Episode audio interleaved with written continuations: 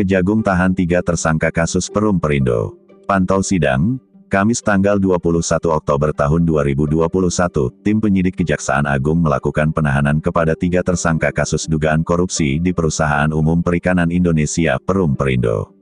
Dalam keterangannya Kapus Penkum Kejaksaan Agung Leonard Ebenezer Simanjuntak mengungkapkan, Tim Jaksa Penyidik pada Direktorat Penyidikan Jaksa Agung Muda Tindak Pidana Khusus Jampitsus Kejaksaan Agung Kamis, tanggal 21 Oktober tahun 2021, memeriksa tujuh orang saksi yang terkait dengan perkara dugaan tindak pidana korupsi pada Perusahaan Umum Perikanan Indonesia Perum Perindo tahun 2016 sampai tahun 2019.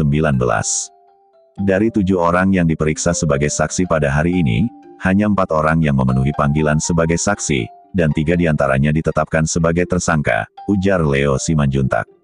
Menurut Leo, ketiganya ditetapkan sebagai tersangka terkait kasus dugaan korupsi pada Perusahaan Umum Perikanan Indonesia, Perum Perindo tahun 2016 sampai tahun 2019. Mereka adalah 1. NMB selaku Direktur PT Prima Pangan Madani 2. LS selaku Direktur PT Kemilau Bintang Timur 3. WP selaku karyawan BUMN, mantan Vice Presiden Perdagangan, Penangkapan dan Pengelolaan Perum Perindo. Kapus Penkum Kejaksaan Agung Leo Simanjuntak menambahkan, pihaknya juga langsung melakukan penahanan kepada para tersangka tersebut dengan maksud untuk mempercepat proses penyidikan. Menurut Leo, terhadap tiga tersangka masing-masing dilakukan penahanan selama 20 hari, terhitung sejak tanggal 21 Oktober tahun 2021 sampai 9 November tahun 2021 yakni 1. NMB dilakukan penahanan di Rumah Tahanan Negara, Rutan, Salemba Cabang Kejaksaan Negeri, Jakarta Selatan. 2. LS dilakukan penahanan di Rumah Tahanan Negara, Rutan, Salemba Cabang Kejaksaan Negeri, Jakarta Selatan. 3. WP dilakukan penahanan di Rumah Tahanan Negara, Rutan, Salemba Cabang Kejaksaan Agung. Kapus Penkum Kejaksaan Agung Leo Simanjuntak menjelaskan, Perusahaan Umum Perikanan Indonesia adalah badan usaha milik negara BUMN pada tahun 2017 ketika Direktur Utama Perindo dijabat oleh SJ. Perum Perindo menerbitkan surat hutang jangka menengah atau medium term notes MTN, dan mendapatkan dana sebesar 200 miliar rupiah yang terdiri dari sertifikat Jumbo MTN Perum Perikanan Indonesia 2017 seri A dan seri B untuk pembiayaan di bidang perikanan tangkap. Tapi faktanya tidak digunakan sesuai dengan peruntukannya, yakni MTN seri A dan seri B sebagian besar digunakan untuk bisnis perdagangan ikan yang dikelola oleh Divisi Penangkapan, Perdagangan dan Pengolahan Ikan atau Strategi Bisnis Unit SBU Fish Trade and Processing FTP, yang dipimpin oleh WP. Pada Desember tahun 2017, Direktur Utama Perindo berganti kepada RS yang sebelumnya merupakan Direktur Operasional Perum Perindo.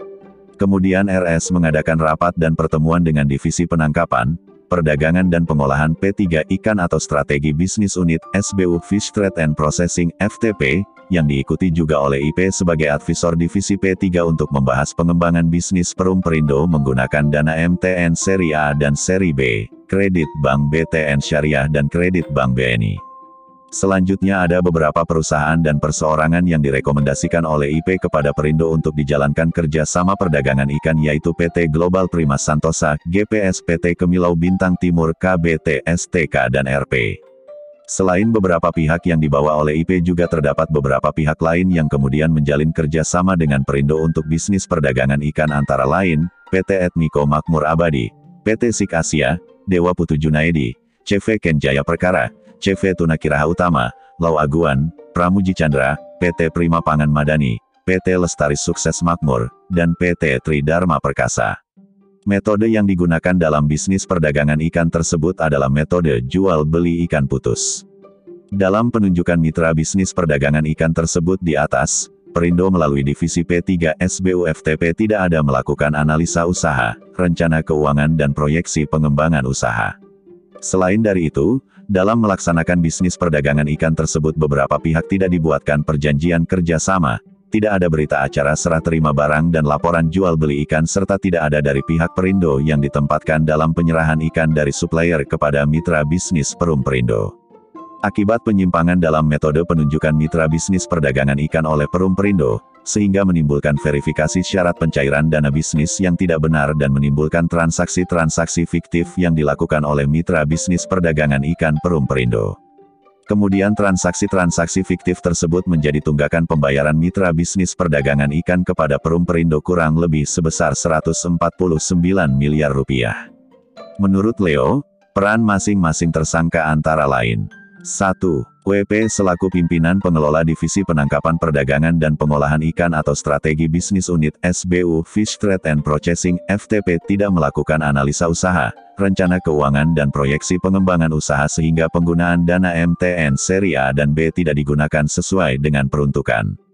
Melakukan pengajuan modal usaha perdagangan tanpa adanya proposal usaha, analisa usaha, rencana keuangan dan proyeksi pengembangannya, melakukan pengajuan modal usaha pengolahan ikan tanpa adanya proposal usaha, analisa usaha, rencana keuangan dan proyeksi pengembangannya, melakukan kerjasama pengolahan ikan tanpa ada studi kelayakan kerjasama, melakukan usaha perdagangan ikan tanpa ada berita acara serah terima barang dan laporan jual beli ikan, serta tidak melakukan pengecekan dan verifikasi kebenaran data supplier dalam melakukan pembayaran.